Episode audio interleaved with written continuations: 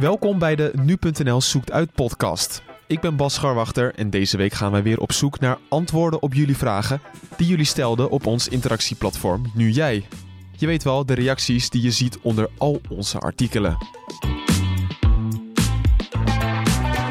Het is er hels, heet en vooral ook giftig. Toch willen wetenschappers dat wij niet eerst naar Mars, maar juist naar Venus gaan.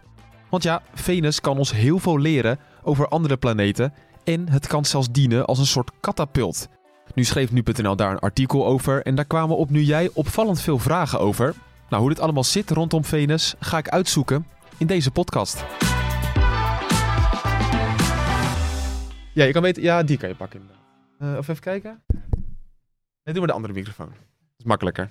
Ja, Lennart, welkom in de, in de podcaststudio van nu.nl. Ja, jij dankjewel. eh, schreef maandag een artikel over Venus, want jij bent een beetje soort van onze nieuwe wetenschapsexpert, moet ik dat zo zien?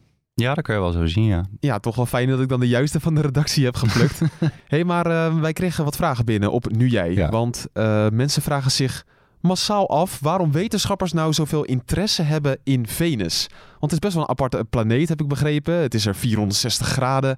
Ja, er hangt boven de grond een, een giftig gas met zwavelzuur. En de luchtdruk is 90 keer zo hoog. Dus ja, volgens mij, Lennart, als er een mens zou landen, dan zou die direct samengedrukt gaan worden, toch? Ja, waarom willen wetenschappers hier nou zoveel van weten? Ja, dat is best wel apart hè, als, je het zo, eh, als je het zo samenvat. Ja. Eh, ja, dat klopt. Ja, het zijn eigenlijk eh, twee dingen. Het eerste is dat er echt wel een hernieuwde interesse is eigenlijk in de planeet zelf. Ja. Dat ze daar echt nu, nu meer onderzoek naar willen doen.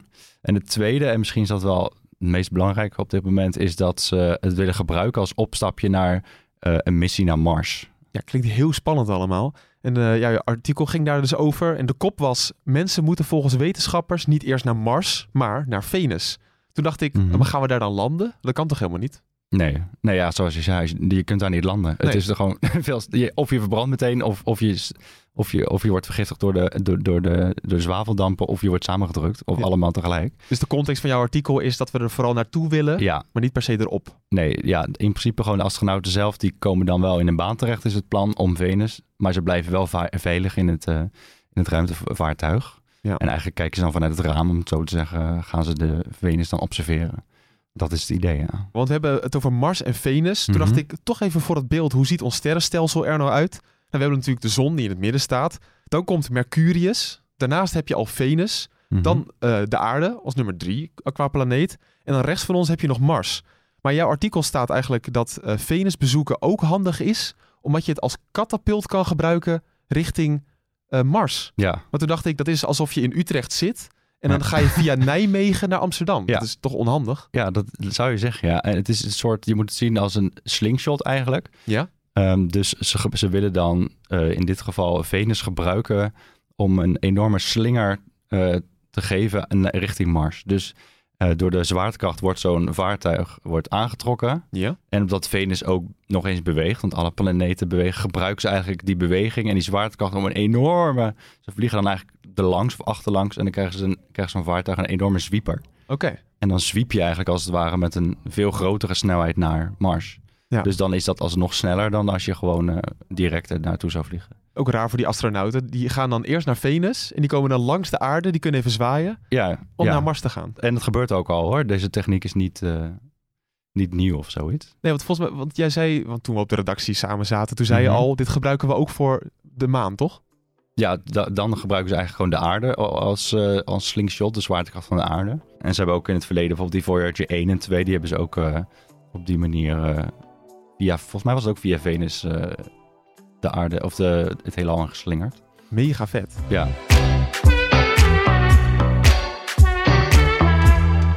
Het zijn allemaal spannende plannen met Venus, maar wat is dat nou eigenlijk voor planeet? Het staat zo dicht bij de aarde, maar we weten er eigenlijk heel weinig over. Tijd om daar verandering in te brengen en dat ga ik doen met Daphne Stam. Ze onderzoekt planeten voor de TU Delft en kent Venus heel erg goed. Even kijken of ze er is. Ja, met Daphne weer. Ja, hoi, goedemiddag, met Bas van Nu.nl. Ja, hallo. Ja, ik zat te denken, zo'n vakantie op Venus, ja, dat zit er niet echt in, hè?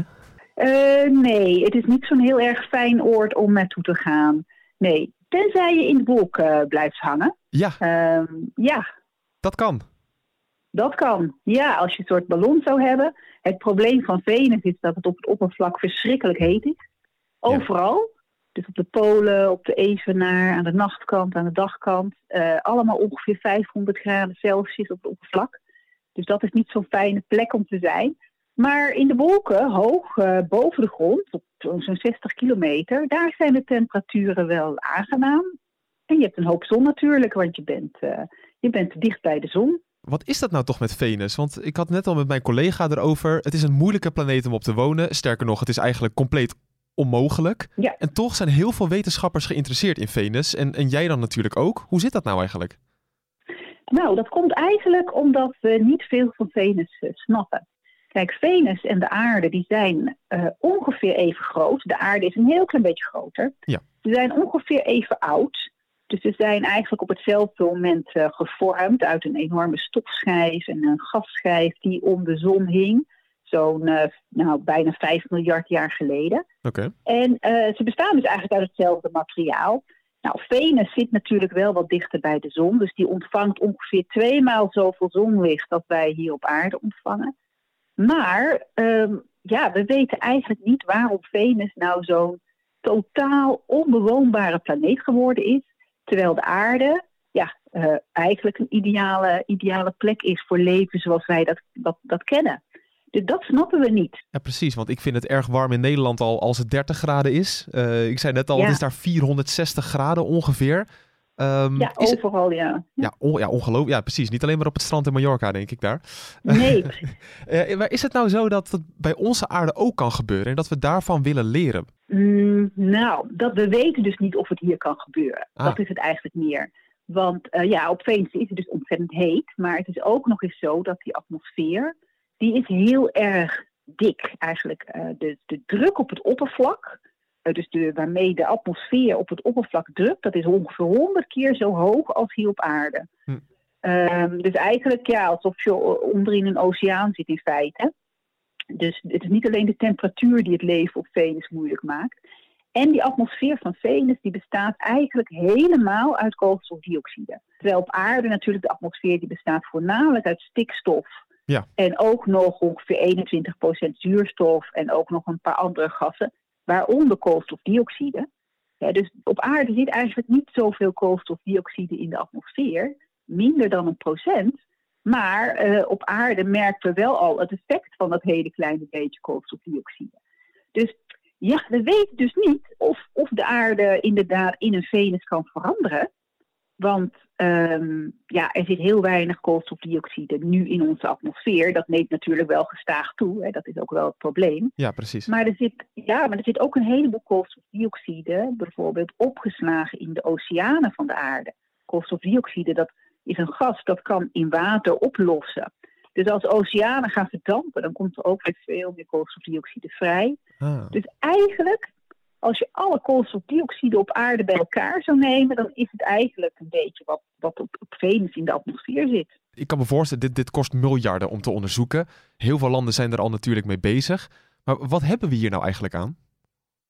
Ja, nou eigenlijk zijn Venus-missies niet zo, eh, zo gigantisch duur hoor, vergeleken met sommige andere missies. Maar het belangrijkste is dat we, ja, dat we het gewoon niet snappen. Ja. En, eh, ja, en de aarde heeft een atmosfeer en een oppervlak eh, en, en Venus. En als wij ervan uitgaan dat we de, de aardatmosfeer en, en de uitwisseling van spul met het oppervlak helemaal snappen, dat we het zo goed snappen dat we kunnen voorspellen wat er gebeurt en dat we snappen wat er in het verleden is gebeurd. Ja, het is allemaal natuurkunde en eigenlijk gelden dezelfde wetten dus ook op Venus. Dus eigenlijk moeten we Venus ook snappen. En het feit dat we Venus eigenlijk niet snappen, ja, dat geeft dus aan dat we niet alles snappen eh, over planeetatmosferen. Nou, dan moeten we daar maar verandering in gaan brengen, toch? Dan zat ik wel te denken, als ze dan astronauten sturen, dan moeten het wel vrouwen zijn naar Venus, toch? Want vrouwen van Venus en mannen van Mars, hoe zit dat ook alweer? Ja, inderdaad, zoiets ja. Ja. Vrouwen komen Venus en de mannen. Ja, ja dus eh, dat wordt dan een hele vrouwenmissie. Nou, dat zou misschien wel weer eh, leuk zijn. Ja, absoluut. En nu staan er sowieso verschillende missies gepland naar Venus. Voor wanneer is dit eigenlijk allemaal? Nou, deze missies van NASA die worden zo in 2027 de ene en de ander in 28 of 29 gelanceerd. Ehm, en, eh, en die van ESA die, die staat nu op de planning voor eh, 31. Prachtig. Ja. Ja, hartstikke mooi allemaal. Ja. We gaan het allemaal in de gaten houden. De ontwikkeling rondom een van onze buren, Venus. Ja, leuk. Dat was hem alweer. Het einde van de Nu.nl Zoekt Uit podcast. Waarin we antwoord hebben gekregen op de vraag wat we nou op Venus moeten doen. En ja, heel eerlijk gezegd, we hebben nog zoveel te leren van die planeet... dat we de komende jaren maar eens gaan kijken wat we daar kunnen vinden. En wie weet leren we ook nog wat over de toekomst van onze aarde. Dankjewel voor het luisteren naar deze editie. En vergeet vooral niet te abonneren via Spotify of jouw favoriete podcast-app... zodat je de volgende keer weer een melding krijgt als de podcast online staat. Tot de volgende keer.